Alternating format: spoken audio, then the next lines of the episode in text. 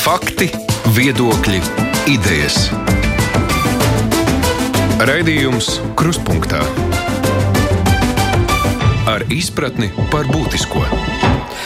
Studijā Mārija Ansone. Kruspunktā piekdienā mēs atskatāmies uz aizvadītās nedēļas notikumiem un joprojām daudz tiek runāts par vakcinācijas tempiem. Plāns ir ambiciozs, 60% vakcinēti iedzīvotāji jau vasarā, bet eh, nu, ar pašreizējo ātrumu izskatās, ka tam vajadzēs varbūt vēl gadu vai divus. Eh, tikmēr Nacionālā apvienība ir satversmē rosinājusi nostiprināt ģimenes jēdzienu, kas būtu balstīta laulībā. Tā ir atļauta šobrīd starp vīrieti un sievieti asinsradniecībā vai adopcijā, un šos grozījumus saima vakar nodeva izskatīšanai komisijās. Šos un citus notikumus apspriedīsim kopā ar žurnālistiem. Kopā ar mums ir Māra Libeka no Latvijas avīzes. Sveika! Sveicināti! Nelī Ločmelē, žurnāla ir galvenā redaktore. Sveika! Sveika. Tāpat arī žurnālists Ģedards Ķēlzis. Sveiks! Labdien! Un mans kolēģis Kruspunktā Aidis Tomsons. Sveiks, Aidi! Čau. Es gribēju vispirms runāt par uh, satversmi. Kā to vērtēt? Um, satversmes tiesa ir pateikusi, ka valstī ir jārūpējas par uh, arī vienzimumu ģimeņu tiesisko aizsardzību. Šobrīd šie grozījumi satversmē, ko ir iesniegusi Nacionāla apvienība, kas teikt ir nodot izskatīšanai komisijām, tas ir tā kā, nu, mēģinājums pateikt, ka vienkārši grozīt satversmi tā vietā, lai pildītu satversmes tiesas spriedumu. Māra. Uh, nu, tas, ka Nacionāla apvienība iesniedz uh, saimnes grozījums, tas nav nekas tur īpašs un neparasts. Tā ir Nacionāla konservatīva partija, un tas arī bija gaidāms. Bet satversmes tiesa ir tātad uzdevusi ar savu nolēmumu saimai līdz 22. gada 1. jūnijam. Uh, nu, nu, darba likumā šis pants vairs nebūs spēkā, un tā tad ir jāliek vietā kaut kas cits. Un satversmē tas ir, nu, saimai faktiski ir tagad brīvas rokas, jo um, ir laiks it kā liekas ilgs līdz 1. jūnijam, bet tas nebūtu nav ilgs, un tās uh, diskusijas es pat uh, nevaru iedomāties, kā vispār notiks vienošanās, jo ir Uh, nu, es šaubos, ka tagad uh, tiks grozīta satversme, bet uh, ir jāpārstrādā tiesību akti, un to ir tātad satversmes tiesa ir pateikusi, ka faktiski ir tiesības sistēma šajā jomā jāmaina.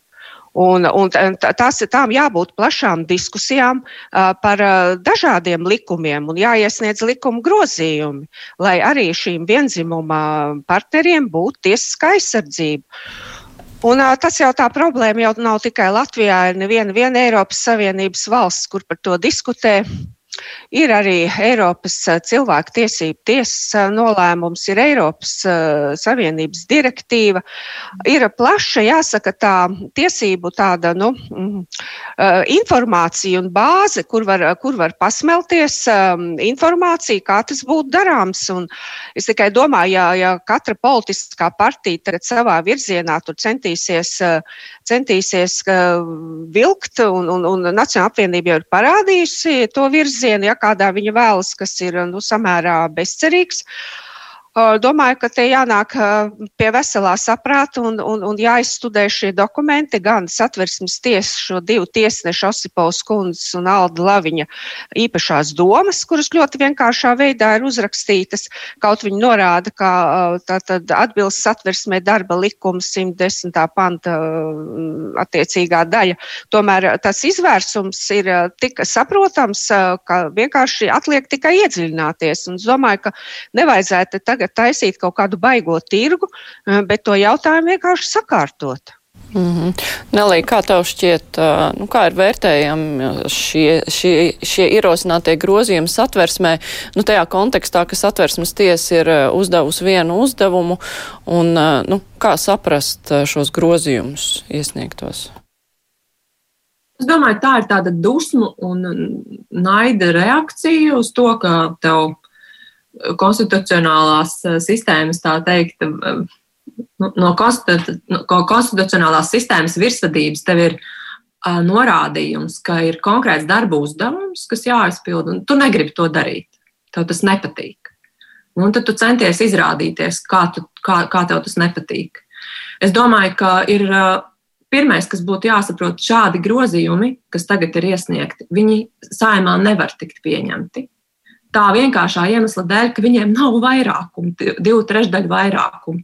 Un satversmes grozīšana ir nopietna lieta, mums ir procedūra, un divas trešdaļas faktiski balsu ir nepieciešams, lai pieņemtu, jo pat, ja divas trešdaļas deputātu nebalso par, tad viena trešdaļa deputātu atturoties, nepiedaloties vispār, nevis atturoties, bet tieši nepiedaloties balsojumā, ar šo kvorumu noraušanu var bloķēt šādu satversmes grozījumu pieņemšanu, un skaidrs, ka tas var notikt. Un, un tāpēc, manuprāt, tas vakardienas uztraukums par to, ka ir kaut kāda melna diena vai kas tur, nu, tā ir vienkārši Nacionālās apvienības un tur līdzi pavilkušos politiķu tāda izrādīšanās. Tā ir politiska darbība, kurai nav nekādu tiesisku seku, un es esmu tiešām pārliecināta, arī nebūs. Man liekas, ka tas ir tāds varbūt sarežģīts veids, es tādā ziņā mārai piekrītu, sarežģīts veids, kā tuvoties tam uzdevumam, ko satversmes. Tā, Nelijai kaut kas pazudis. Devusi, rīkotos prātīgāk, ja apzinātos, ka tas ir, ka tas ir uzdevums viņu pilnvaru laikā, un principā būtu jāizveido darba grupa. Uh, parlamentā, acīm redzot, jā, kaut kāda vai apakškomisija vai kaut kāds speciāls veidojums, kas tad mierīgā, profesionālā veidā strādātu un, un vienotos, ko un kā viņi grozīs, lai īstenot satversmes tiesas lēmumu, jo to nepildīt nedrīkst. Tajā pašā jā. laikā ja mēs redzam, jā, satversmēs grozīšanai balsu nepietiek, tomēr balsu var nepietikt arī satversmes tiesas uzlikto, nu, izmaiņu pieņemšanai, jo tomēr tur ir vajadzīga arī kaut kāda politiskā griba. Jā, satversmes teikusi, ir, tiesa ir pateikusi, ka ir jāveic kaut kādas izmaiņas likumā, bet uh, sankcija pret parlamentu, kurš to neizdarīs, tāpat nebūs. Ne, nu, bet saprotiet, tā jau parlaments nedrīkst tā rīkoties, ka vienkārši šī darba likuma norma konkrētā pēc pusotra gada vienkārši nebūs vispār spēkā. Viņi jau nevar to atstāt tā.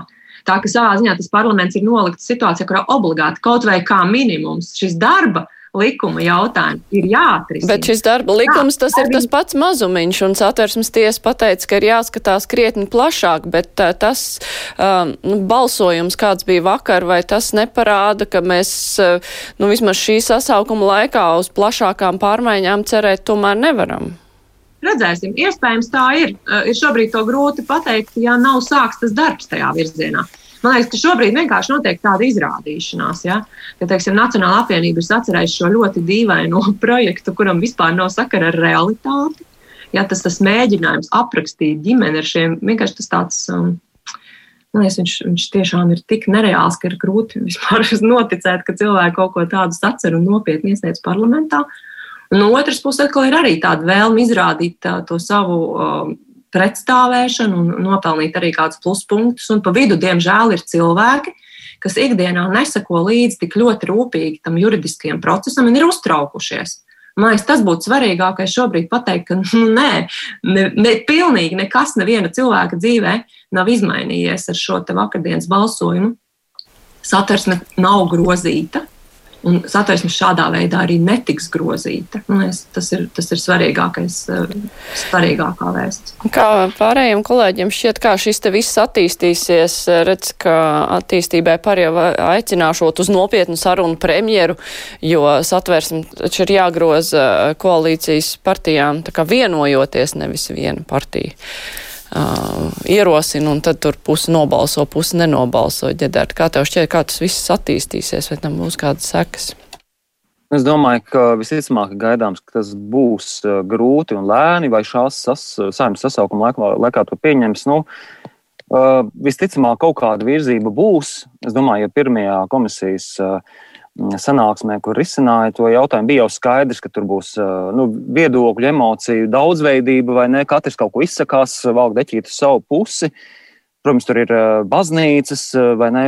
Visi reliģiskie līderi iekšā. Kā, nu, es domāju, kaut kādus, kaut kādu risinājumu ies, bet vai, vai nu, vakardienas balsojums jau ir parādījis, 47 balss bija par, bet, nu, tas, protams, ka, nu, skaidrs, ka es domāju, ka tas atvērsmes grozījums tos nepieņems. Ja? Bet nu, kaut kādu risinājumu, varbūt kaut kādus priekšlikumus uh, tos, tos izdiskutēs, uz kaut ko virzīsies, bet nu, vai šās saimnes laikā teiksim, būs tāds tiešām plašs kaut kāda likuma pakete, kas tiešām pēc būtības to visu teiksim, īstenot dzīvē, ko satversmes tiesas noteica, nu, nezinu, es tā ļoti tā piesardzīgi. Bet, nu, attiecības koalīcijā tur kaut kā ietekmēs, vai arī vienkārši šeit katrs nu, atbilstoši saviem politiskajiem uzstādījumiem iezīmēja savu teritoriju, un tas viss arī tā arī izbeigsies, nesācies, Aida, kā tev šķiet? Nu, domāju, ka koalīcijā, protams, jau labi zina to nostāju arī tad, kad jau valdība tika veidot. Šis jau nav nekāds jaunums taisnība. Tā jau katra partija jau sen pozicionējusies pirms vēlēšanām.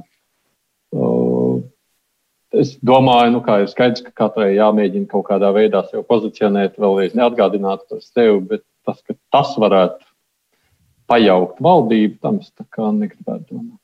Pat nepajaukt valdību, bet uh, runāt par to, uz kādām, uh, vai ir kaut kāda nosacījuma, uz kādiem koalīcija vispār darbojas, jo, ja ir bijusi vienošanās, kas atvērsmi groz pēc uh, vienprātības, tad uh, šajā gadījumā nu, politiski izdevīgi iesniegt, arī tiek iesniegt šie grozījumi. Jā, bet nu, jau, te jau kolēģis sacīja, satversme netiks grozīt, tur jau tas balsts skaits nav lai to varētu izdarīt. Līdz ar to tā tomēr ir politiska pozicionēšana. Nu jā, koalīcijai, protams, ir daudz uh, citu lielāku problēmu. Bet uh, visa šī kontekstā, es nezinu, vai tas ir ļoti svarīgi, vai tur vajag iedziļināties vai ne, bet tur pa vidu pavīdēja tas stāsts par uh, Uh, jaunās konservatīvās partijas deputāts Evas Mārtužas ēpastu, uz kuru bija sūtīta uh, viena mozīgas jauniešu vēstule, un atpakaļ viņš bija saņēmis ļoti dīvainu atbildi. Un pēc tam sekoja tam, turklāt atbilde bija no e-pasta, kas ir ar Evas Mārtušas pseidonīmu. Vai tur. Uh, Nu jā, un pēc tam bija taisnošanās, ka viņa pati to atbildi nav sūtījusi, ka vispār varbūt ir kāda vīrusa inficēta datorā. Uh, tur ir vērts iedziļināties, vai tomēr ir jāskatās, nu, kāpēc uh, deputātas, uh, pirmkārt ar kaut kādiem deputātas uh, saistītiem ēpastiem manipulē kāda cita persona. Vai tas ir ievērības cienības notikums, kam vajadzētu pasakot? Māra, kā tev šķiet? Ne, nu kā, nu, protams, ka Saimnes ētikas komisijai vajag izskatīt to jautājumu. Viņi jau tur eh, taisnojās, ka viņi neko nezina, bet man vispār šajā sakarā radās viens jautājums. Ieva Bondare. Es iedomājos, ka pieņemsim, kāds sāktu sūtīt uh, tādus neķītrus, rupjus ēpastus ar uh, Māra Libeka pseidonīmu. Nu, man rastos jautājums, kas tur notiek. Ja? Es vienkārši nesaprotu vispār to variantu. Bondere, ne bondare, bet bondere. Bondere, bonde. Bondere, jā, jā ar bondere. E. Ar e. Es ne, neieskatījos īsti. Nē, nu, vispār man radās jautājums, ka nu, nē, nu, tas ir jā, to nevar atstāt tā vienaldzīgi nostumt malā. Jā. Tas ir no darba datora, tur ir cert, kas uzrauga, kur tā tad tehnoloģiski var pārliecināties, kas tur ir pa lietu bijis. Un ētikas komisija, protams, var izskatīt, nu, kā var neatstāt. Protams, ka tas nav tāds gadījums, kurš pilnīgi jāatstāja bez kādas ievērības saimnes deputāta ētika, principā. Nē, nu ir jau skaidrs, ka visticamāk, es tā domāju, spriežot pēc, speciāli pameklēju to informāciju, jo es sākumā tam visam nepievēršu lielu uzmanību sociālos tīklos. Bet nu, deputāti jau man liekas, un politiķi, tīpaši jau viņi ir augstākā amatā, viņi jau savus tos e-pastus nodod citām personām apkalpošanai. Tā ir diezgan pierasta praksa ne tikai Latvijā. Tajā pašā laikā, tad, kad tu nodod šiem cilvēkiem apkalpošanai, nu, tu esi atbildīgs par to, ko šie cilvēki raksta, jo viņi jau raksta tavā vārdā. Līdz ar to atkratīties, sakot, ka tā jau neesmu es, to tu nevari vairs tajā brīdī. Ir skaidrs, ka tā ir tava politiskā atbildība. Nu, protams, šajā reizē rakstniece vēl izmanto pseidonīmu, un tad var spēlēties ar šo. Mm -hmm. Kā, kā citiem šķiet, vai tur ir vērts eh, pētīt dziļāk, vai arī nu, prasīt lielākus skaidrojumus, plašākus, eh, vai atbildību no deputāts un viņas partijas puses Nelī? Es tiešām neesmu iedziļinājusies. Man liekas, ka ir citas svarīgākas lietas, bet uh, man šķiet, ka šis tiešām būtu jāpārbauda saimnes ietveros un jānoskaidro punkts viens, vai deputāts nemelo. Man liekas, tas ir ļoti slikti, ja deputāts melo. Uh, tad tur būtu jātiek skaidrībā. Un otrs ir nu, kaut kā atgādināt, varbūt kādas vadlīnijas vēlreiz par šo komunikāciju. Jo, ja deputāti ir tādi, nu, ceļš ienāk kāds jaunāks deputāts, varbūt, vai nu, nesaprot, kā jāuzvedās, varbūt skatās un domā, ka tā var darīt. Ja? Tad varētu varbūt atgādināt par to, kāda ir saziņas kultūra, teiksim, ja tev raksta kāds vēlētājs, kā tu atbildi. Īstenībā tas būtu labi, ja, piemēram, tajās atbildēs, ko nesagatavo, ko, ko šo deputātu vārdā sagatavo kādi palīgi, ka tas būtu norādīts, piemēram, ka, nu, ka deputātu vārdā, piemēram, atbildēja tāds un tāds palīgs. Tas būtu ļoti skaidri. Līdzīgi tāpat kā, piemēram, likuma projektiem kādiem vai, vai ierosinājumiem ir apakšā, piemēram, tāds ierēģiņa vārds, ja, kurš tur tieši ir tas atbildīgais par, kā, par, kā, par kādiem tekstiem. Man liekas, tas ieviest lielāku skaidrību. Jā, tas arī ieviest lielāku skaidrību par to, ko deputāts īsti dara un ko dara viņa palīgs. Nu. Jā, bet skaidrs, ka deputātam nav jāatbild varbūt uz visiem ēpastiem, ja tie tur nāk simtiem. Ja? Deputātam ir svarīgāki darbi, bet man liekas, ka labi ir, ja ir tāda caurskatāmība un skaidrība. Un noteikti nu, nevar tā melošana tur būt iekšā. Nu, tad ir rūpības, tas jau laikam ir tas. Nu, jā. tas jau. Tāpēc arī bija runa par ētikas komisiju. Labi, bet uh, vēl par saimu runājot, vakar vēl bija tik pieņemts uh, ļoti būtisks lēmums mums jauns valsts kontrolieris. Uh, konkurencē ar diviem valsts kontrolas jau esošiem darbiniekiem, tomēr vinēja Rolands Irklis, sabiedrisko pakalpojumu regulēšanas komisijas vadītājs. Nu, jāteic, Elita Krūmiņa droši vien ir uzlikusi tādu nopietnu latiņu tajā pašā laikā. Vai ir labi tas, ka šo iestādi turpmāk vadīs cilvēks no malas, vai vajadzēja tomēr koncentrēties uz tiem, kur jau ir pierādījuši sevi darbā? Kā ķedēr tu domā, kā vērtē šo lēmumu, vai Rolands Irklis tiks galā ar, vai viņam ir vispār jāmēģina turpināt šī te iestaigātā taka, vai varbūt jāvieš kaut kādas jaunas vēsums kontrolas darbā?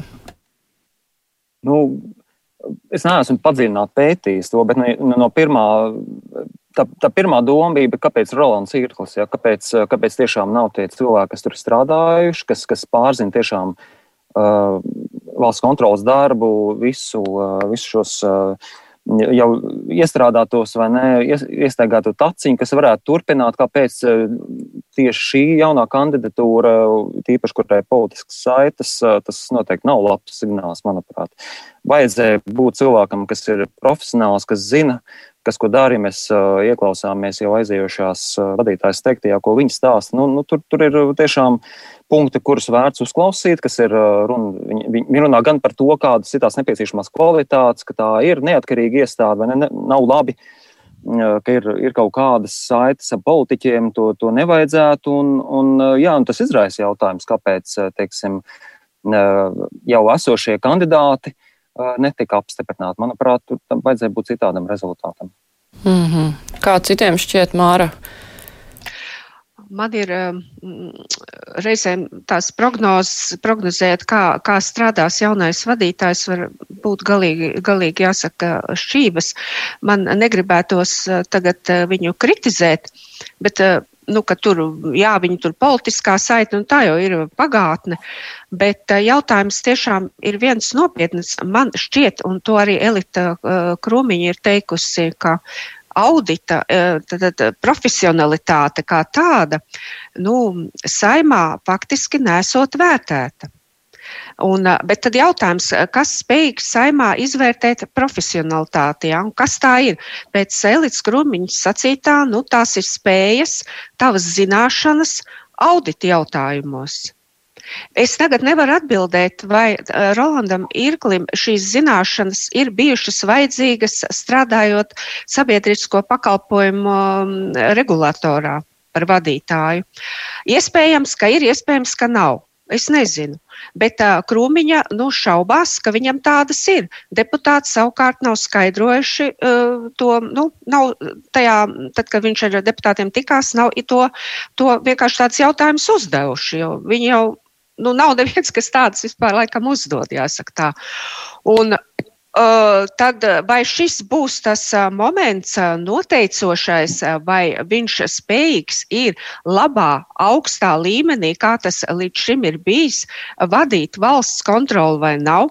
Nu, es nezinu. Es vienkārši nezinu. Es tikai nu, klausos, ko saka vadītāja, kurai, protams, ir saprašana par to, kādam vajadzētu būt tam vadītājam, nu, lielāka, es domāju, nekā mums žurnālistiem no malas. Es saprotu, ja tas Irklis būtu ar kādu partiju tiešām cieši šobrīd sadarbotos, nu, tad, tur, tad tur nav vispār nekādu variantu, un tur skaidrs, ka tas ir liels mīnus. Bet uh, tagad, kad viņam to partijasko piedrību visu laiku šuj klāt, nu, man tas uh, nav īsti saprotams. Te ir jautājums par profesionālām spējām. Uh, Nelī, kā tev šķiet, vai vajadzēja ieklausīties uh, Elites Krūmiņas viedoklī šajā jautājumā un vispār domāt par to, nu, kā tiek izvirzīti un kā tiek vērtēti kandidāti uz šādiem amatiem, jo ir vietas, kur tiek arī piesaistīti profesionāli uh, personāla novērtētāji, kuri sniedz ar kaut kādus atzinumus, bet uh, šajā gadījumā tomēr vairāk tas ir kā, nu, politiķa izvēles ziņā. Man ir liels pārsteigums par šo uh, rezultātu un šo procesu, jo tas ir nu, visas Covid krīzes uh, un, un valdības uh, visādi sarežģījumu fonā noritējis ļoti tā klusi, nemanāmi. Uh, mani šis rezultāts pārsteidz tāpēc, ka es nesaprotu, vai ir izraudzīts labākais kandidāts un kas ir šīs viņa labākās, nu, tā teikt, kompetences vai tās priekšrocības pret tiem cilvēkiem, kas ir uh, strādājuši valsts kontrolē un tā tad neapšaubāmi ir par to konkrēto lietu, par konkrēto valsts kontrolas darbību daudz zinošāki. Kāpēc šīs zināšanas nav uzskatītas par svarīgām vai varbūt pat par, nu, tā teikt, nastu, un kāpēc cilvēks, kas neko nezina par valsts kontroli, ir vislabākais kandidāts. Man tas nav skaidrs. Es domāju, ka politiķi nav uz šo atbildējuši, man tas, protams, rada aizdomas, ka tā, nu, tāda vispārīga runāšana par to, ka ir vajadzīgs skats no malas un tādas jaunas vēsmas, ka tas paliek tā ļoti nekonkrēti.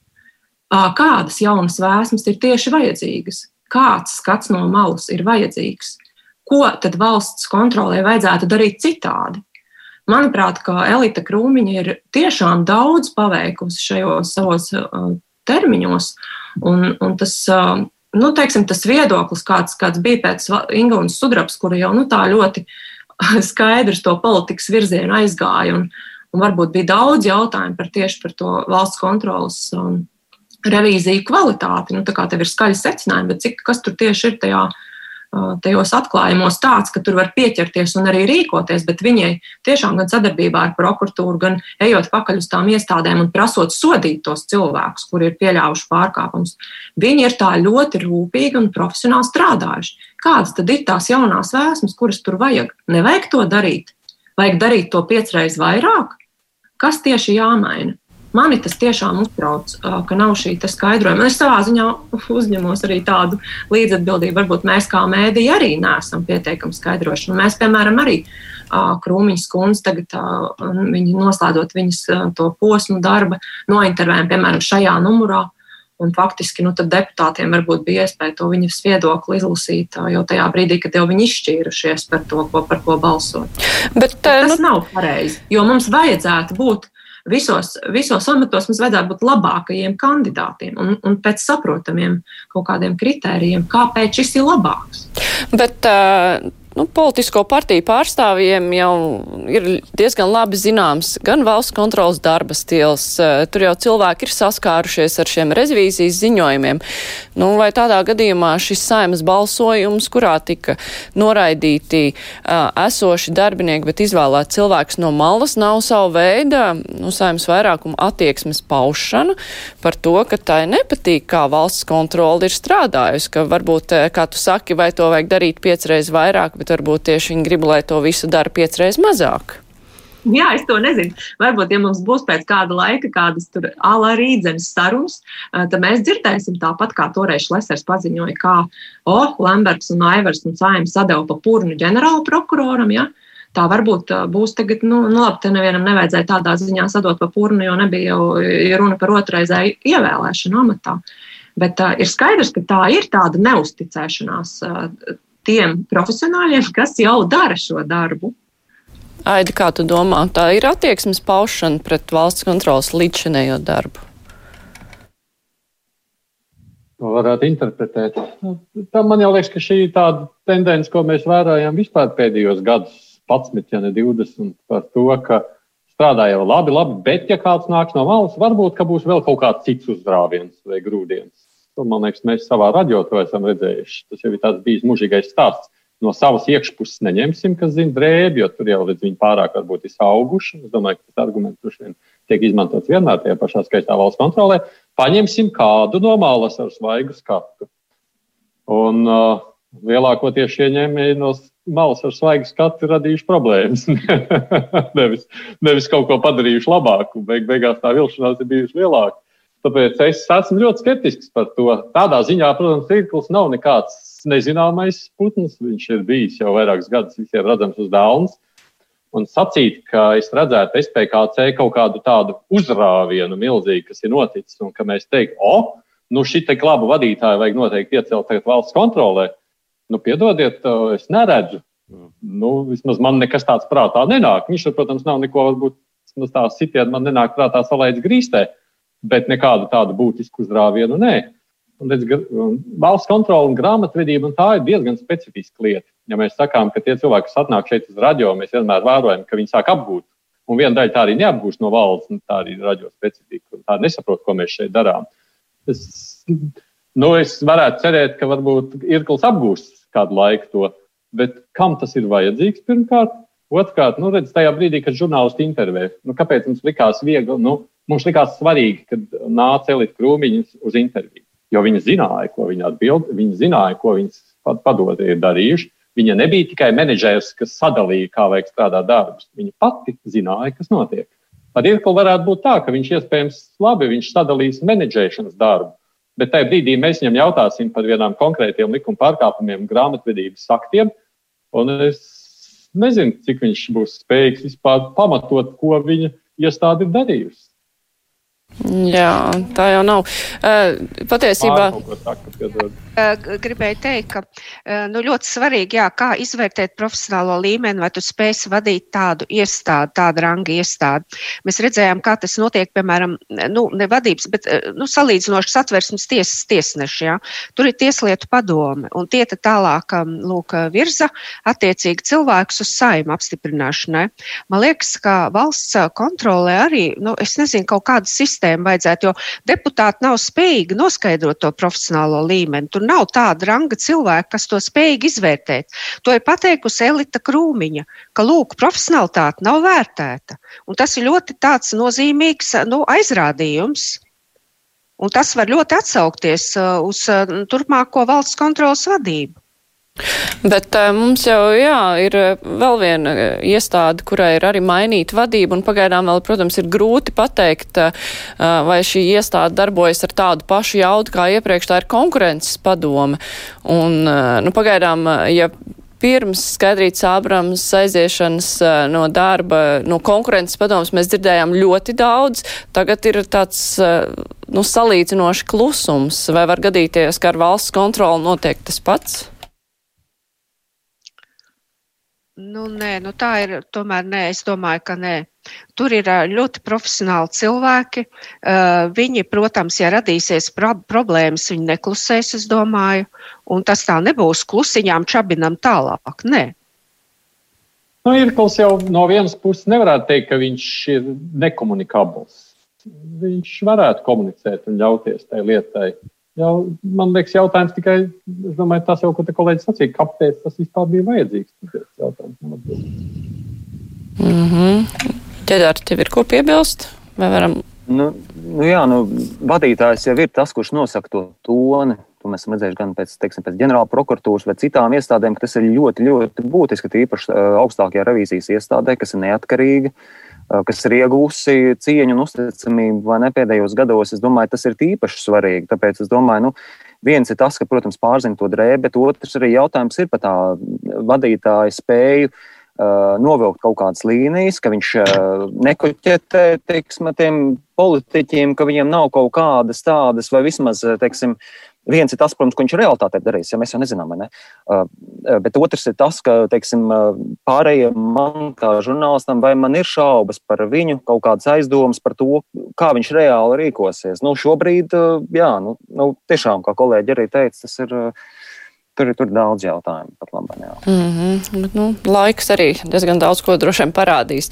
Es atgādināšu klausītājiem, ka šodien kopā ar mums ir Nelija Ločmēla, žurnāla ir galvenā redaktore Māra Libeka no Latvijas avīzes, Cetars Ķels un Aidis Tomsons, mans kolēģis. Redījumā kruspunktā turpināsim tūlīt un jau ar citiem tematiem. Raidījums Krustpunktā jāpievēršas arī Covid un uh, vakcinācijai pret uh, koronavīrusu. Nu, šobrīd tas jaunais plāns uh, jaunajam veselības ministram ir ambiciozs, ka varētu līdz vasarai vakcinēt 60% iedzīvotāju, bet uh, paskatoties skaitļus, kādi ir šobrīd, izskatās, ka tam vajadzēs pāris gadus, ja tas ātrums būs tāds. Um, vai jums ir cerības, ka būs uzrāviens vakcinācijā? Jo, nu, uz vakcināciju liek liels cerības, lai varētu atgriezties kaut kādā ierastā dzīvē, bet, ja temps ir zems, tad ierastā dzīve vēl ir ūku tālu aiz kalniem. Nelī, kādas ir tavas domas? Jā, man ir cerības. Es, mēs arī nointervējām jauno ministru Pavļutu, Manuprāt, viņam ir mērķis skaidrs un ambīcijas. Viņš vēlas šo vakcināciju īstenot. Viņš liek vislielākās cerības uz to. Es tur redzu jaunu enerģiju, tādu profesionālu pieejamību. Es ticu, ka viņš tiešām to grib. Man drīzāk ir uztraukums par to, ka varbūt ministrs ir tik ļoti fokusējies uz šo vakcināciju, ka nejūt, ka viņa atbildība ir arī tas, lai cilvēki tagad nesaslimtu un nenomirtu stāvot tajā vakcīnas rindā, kurā viss varēs iestāties kaut kad drīz. Ja? Jo šobrīd mums joprojām ir uh, nu, tāda, visi priecājas par to, nu, stabilizēta, baigi nekāpj uz augšu, bet tie skaitļi ir augsti. Kāpēc mēs sēdētu un priecātos par to, ka mums ir uh, divreiz augstāka saslimstība nekā, piemēram, Vācijā vai, vai vispār, tāpēc, protams, kaimiņu Somija ir a, a, a, pilnīgs izņēmums. Es domāju, ka nekādā gadījumā nav iespējams skatīties uz pašreizējiem vakcinācijas skaitļiem un no tā izdarīt secinājumus par turpmāko tempu, jo vienkārši mums jau nav to vakcīnu. Protams, tas sākums bija traģi, nu, vienkārši traģi, traģisks. Es domāju, ka tas, jo kaut vai katrs ārsts, kas uzreiz, jau, piemēram, kā Lietuva, jau pirmajā nedēļā uzreiz izvakcinēja visu to savu pirmo pievedumu, ja, tas jau katra tā nedēļa, īstenībā katra diena var būt izšķiroša.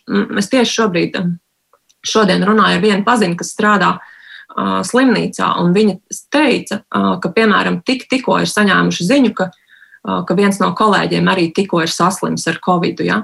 Te katra diena ir svarīga, te katra nedēļa ir no svara, un skaidrs, ka tos ārstus jau, jau vajadzēja visiem būt izvakcinētiem. Bet nu, šobrīd mēs esam jau pietuvējušies uh, tai atzīmē, kur tās visas pirmās vakcīnas jau būs iztērētas, jo tā otrā deva ir nepieciešama ne katram. Jo tas, man liekas, ir ļoti svarīgi, ka tā otrā deva tiek izvakcinēta, jo pretējā gadījumā mēs vienkārši tērējam to vakcīnu un nedaram to, ko ražotājs ir paredzējis, un neradam nekādu imunitāti. Tāpēc man tie, piemēram, tie britu eksperimenti, kā tur iest pāri un vienkārši atliks tos, to otro potēšanu uz nezinu kuru laiku, man nešķiet pareizi.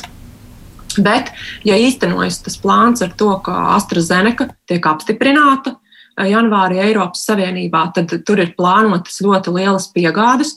Un tad, manuprāt, ir divi lielākie izaicinājumi, lai tiešām tā mūsu sistēma iekustētos un saprastu, ka ir ļoti pilnīgi cits temps vajadzīgs, pilnīgi cits. Un otrs, protams, ir cilvēku atsaucība. Cilvēku vai atsaucība. Jā, atsaucība. vai tā nebūs tā lielākā problēma šajā gadījumā, jo cilvēki nu, ir daudz ļoti piesardzīgi. Aidi, tu arī Twitterī biji uzrakstījis, ka bērnu dārzā ar 38 darbiniekiem tikai 8 ir gatavi vakcinēties. Nu, vai tas nerada bažas, ka mums, mēs nevaram to 60% sasniegt nevis vakcīnu trūkumu dēļ, bet nevēlēšanās vakcinēties dēļ. Es esmu dzirdējis, ka nav vienīgais bērnu dārzs, kur tā, tā situācija. Es domāju, ka tā tas arī būs.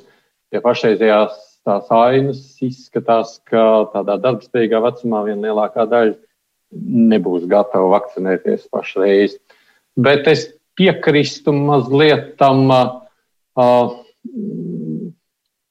es ņemtu vērā to, ko saka Pauļuts, uz ko viņš tā kā cer spiest. Nu, tas protams, būs viņam arī tāds izaicinājums, kurā viņš domā, ka tad, kad tā vakcinēšanās uzņems apgrieziens, un kad tajā mēs redzēsim vienu pēc otru nu, zināms cilvēks, ka tas varbūt arī kaut kādu grūdienu dos. Pieredze jau rāda, ka kaut kādās jomās mēs to tā esam vērojuši. Atceramies, pret eiro Latvijā bija lielākā skepse pret ieviešanu. Bet tajā brīdī, jau, kad tā lieta aiziet, tad jau tā skepse nozūd. Un varētu cerēt, ka tas savu lomu spēlēs. Bet pie pašreizējās situācijas, nu, cik man nākas dzirdēt, jo ne jau tikai bērnu dārzos, arī skolās un arī vēl dažās iestādēs šobrīd visiem vadītājiem ir jāapkopo informācija un jāprasa. Es zinu, arī mūsu darba vietā tieši tāpat tās prasa.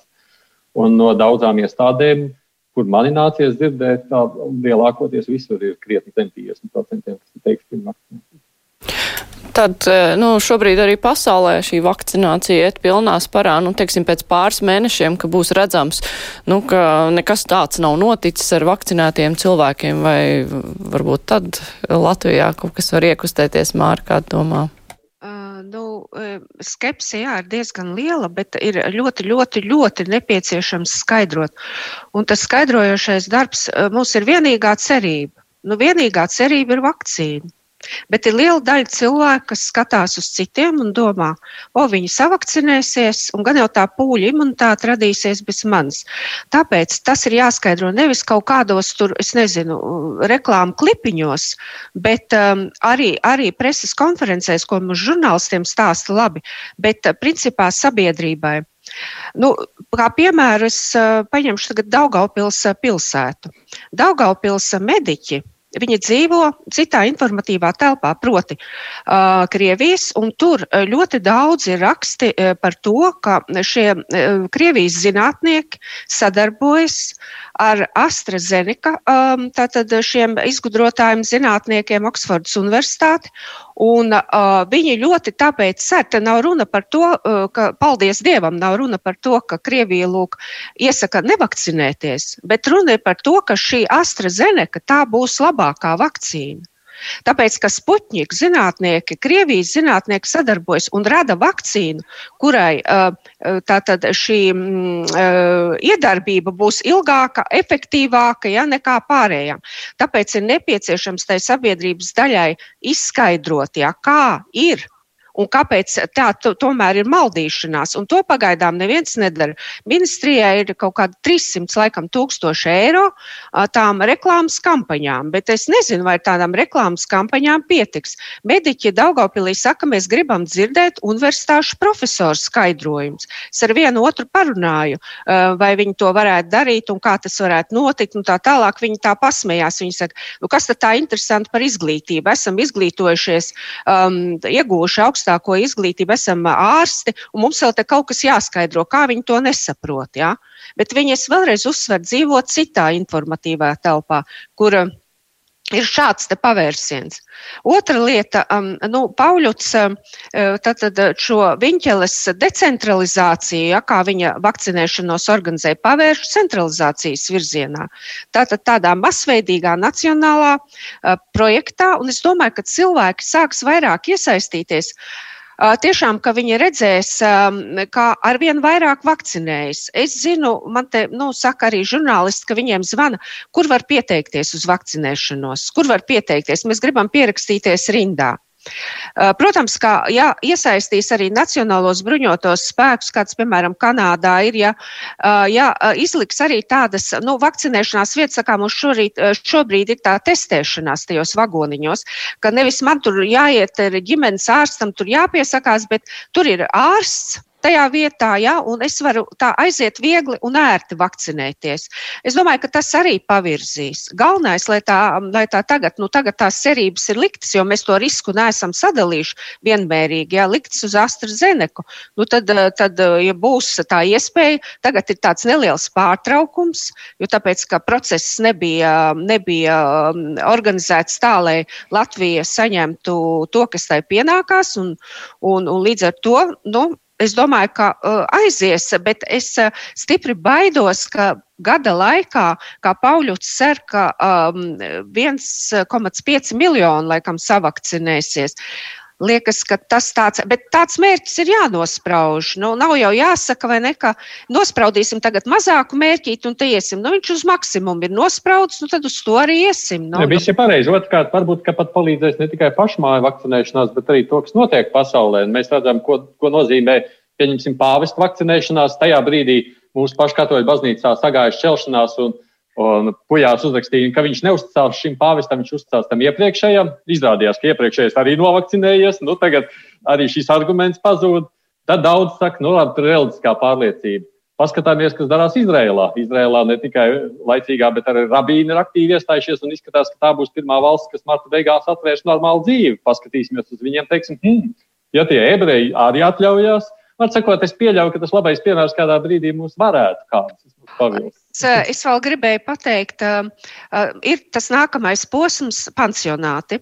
Un tur tagad, man liekas, radīsies diezgan liels problēmas, tāpēc, ka veselības ministrija, labklājības ministrija strādā atsevišķi, tāpēc, ka par pansionātiem nav kopīgas ainas nevienam. Ir valsts pansionāti, pašvaldība, un pats galvenais ir tas, ka tur ir daudzi cilvēki, nu, pārslimojuši. Un, lai vakcinētos tiem, kuri pārslimojuši, to vakcīnu uzreiz nevar potēt. Jā, uzreiz jāpaiet trīs mēnešiem līdz kaut kur pusgadam. Vismaz Uga Dumpis tā ir sacījis. Tad jautājums ir, kas te pārzinās, cik daudz vispār tādu cilvēku, kuriem jāvakcinē. Ja mums nav šādas informācijas, Lietuvā, piemēram, ir, viņiem laikam 40% pansionātos ir pārslimojuši. Mums tur tā, es domāju, ka tā būs problēma to, ka mums nav tās datu bāzes, kā tur rīkoties. Bet, bet pieļauju, ka šis viss reizē tiks risināts, kamēr mēs tieši runājam, man atnāca īziņa, kur viens cilvēks, laikam, ir gados, kurš tieši tā raksta, ka viņš uztraucās, un ja nu ir tāds ja nu tev ir tas vīrus, ka tu nezini, ka vajag, protams, notestēt tevi, ka tu neesi vesels, ka tu neesi slims un tikai tad vakcinēties. Nu, protams, tie ir tie jautājumi, kas cilvēks uztrauc. Nu, redz, viņi klausās un sūta izziņas man, uz kuriem, protams, tās atbildes ir. Es atvainojos, bet es esmu sapratusi no šīs informācijas līdz šim, ka viņi, protams, nepotē cilvēku, kurš ir akūti slims.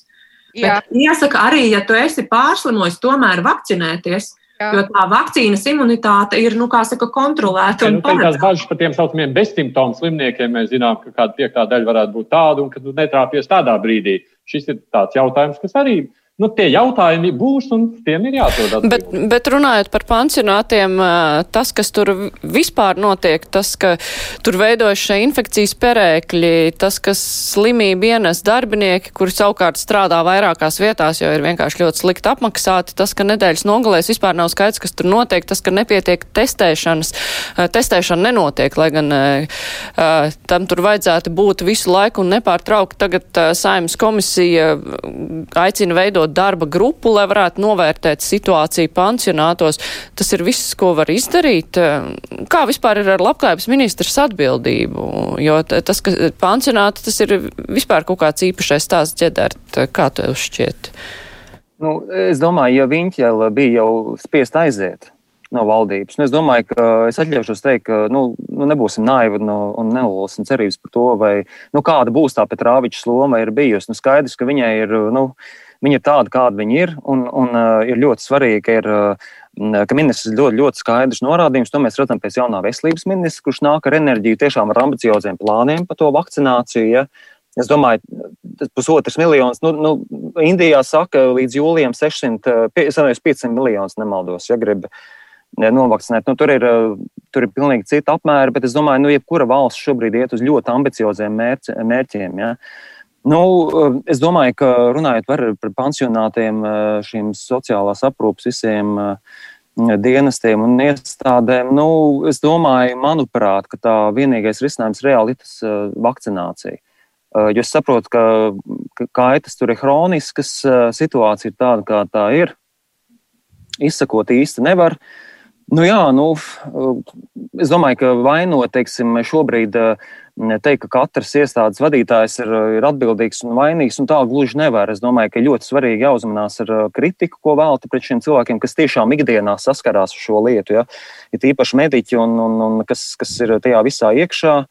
Uh, nu jā, nu, es domāju, ka būtu, būtu ļoti labi teiksim, premjeram pārvērtēt, tiešām, vai pēc kaut kāda laika, kad aktīvi sāksies uh, vakcinācija, vai nevajadzētu pārvērtēt, varbūt labklājības ministrijas uh, ministra vietā arī būtu vajadzīgs cilvēks, kurš nāk ar jaunu jaudu, kas palīdz reorganizēt kaut kādas uh, lietas, iedot jaunu indēri, tām uh, nu, iekustināt, lai, lai arī kaut kādus. Nu, kaut kādas izmaiņas dabūt. Es domāju, es saprotu, ka tas viss ir ļoti nu, sarežģīti šobrīd. Nu, nav, nav jau tādas, vai ne? Es neesmu personīgi pētījis labklājības ministrijas atbildību, bet to, ka no iestādes vadības šajā brīdī ir ārkārtīgi daudz kas atkarīgs, no to mēs nevaram noliegt. Mēs, mums ir dažādi piemēri. Mums ir, es labi zinu, piemēram, sociālās iestādes, kuras ir tik strikts nosacījums uzlikuši, ka tur, nu, tur tiešām tiek darīts viss, lai vīrusu neienāktu. Mēs arī dzirdējām pašu Samariešu apvienības prezidentu Andru Bērziņu, kā viņi cīnās ar šo un cepuru nost. Man liekas, tieši tāda pieeja ir vajadzīga. Un tā ir, tā ir atbildība no vadītāja. Tur ir, eh, es gribēju pateikt, ka nu, man eh, jāsaka, akmens Petrāvičs dārzā tāds milzīgs. Jā. Tagad eh, nu, tur ir medicīnas māsas atsevišķos pansionātos, kuriem aidas runā, kur ļoti labā līmenī, tur pat vairāk mediķi. Nu, viņi taču arī pelnījuši, lai viņiem par to, ka viņi pēc ģimenes ārstu norādījumiem, protams, ārstē tos cilvēkus, ka viņiem piemaksā. Viņiem vispār piemaksas tikai tagad ir atnācis rīkojums no decembra līdz 30. jūnijam piemaksās pie darba algas 50%. Kur tad bijusi tā labklājības ministri visu šo laiku, ka tagad tikai šis jautājums kaut kā tur tiek risināts? Vēl īsi gribēju pieskārties vakardienas SPKC izziņoja par vienu ģimenes ārstu, kurš ar covid simptomiem ir pieņēmis pacientu diezgan ilgstošā laika posmā tiem cilvēkiem, kas pie viņa bijuši, ir jāpiesakās. Tad uh, tur uh, domas dalās. Viena saka, ka šāds ģimenes ārsts, viņam tur ir vairāk nekā 6000 pacientu, ka viņš grauj uh, vispār uzticību ārstiem. Uh, ir viedoklis arī, ka SPKC nedrīkstēja pateikt konkrēti cilvēku vārds, uzvārds un viņa diagnozi, jo tomēr šādas lietas uh, nu, nav publiski izziņojamas. Kā jūs vērtējat šo situāciju?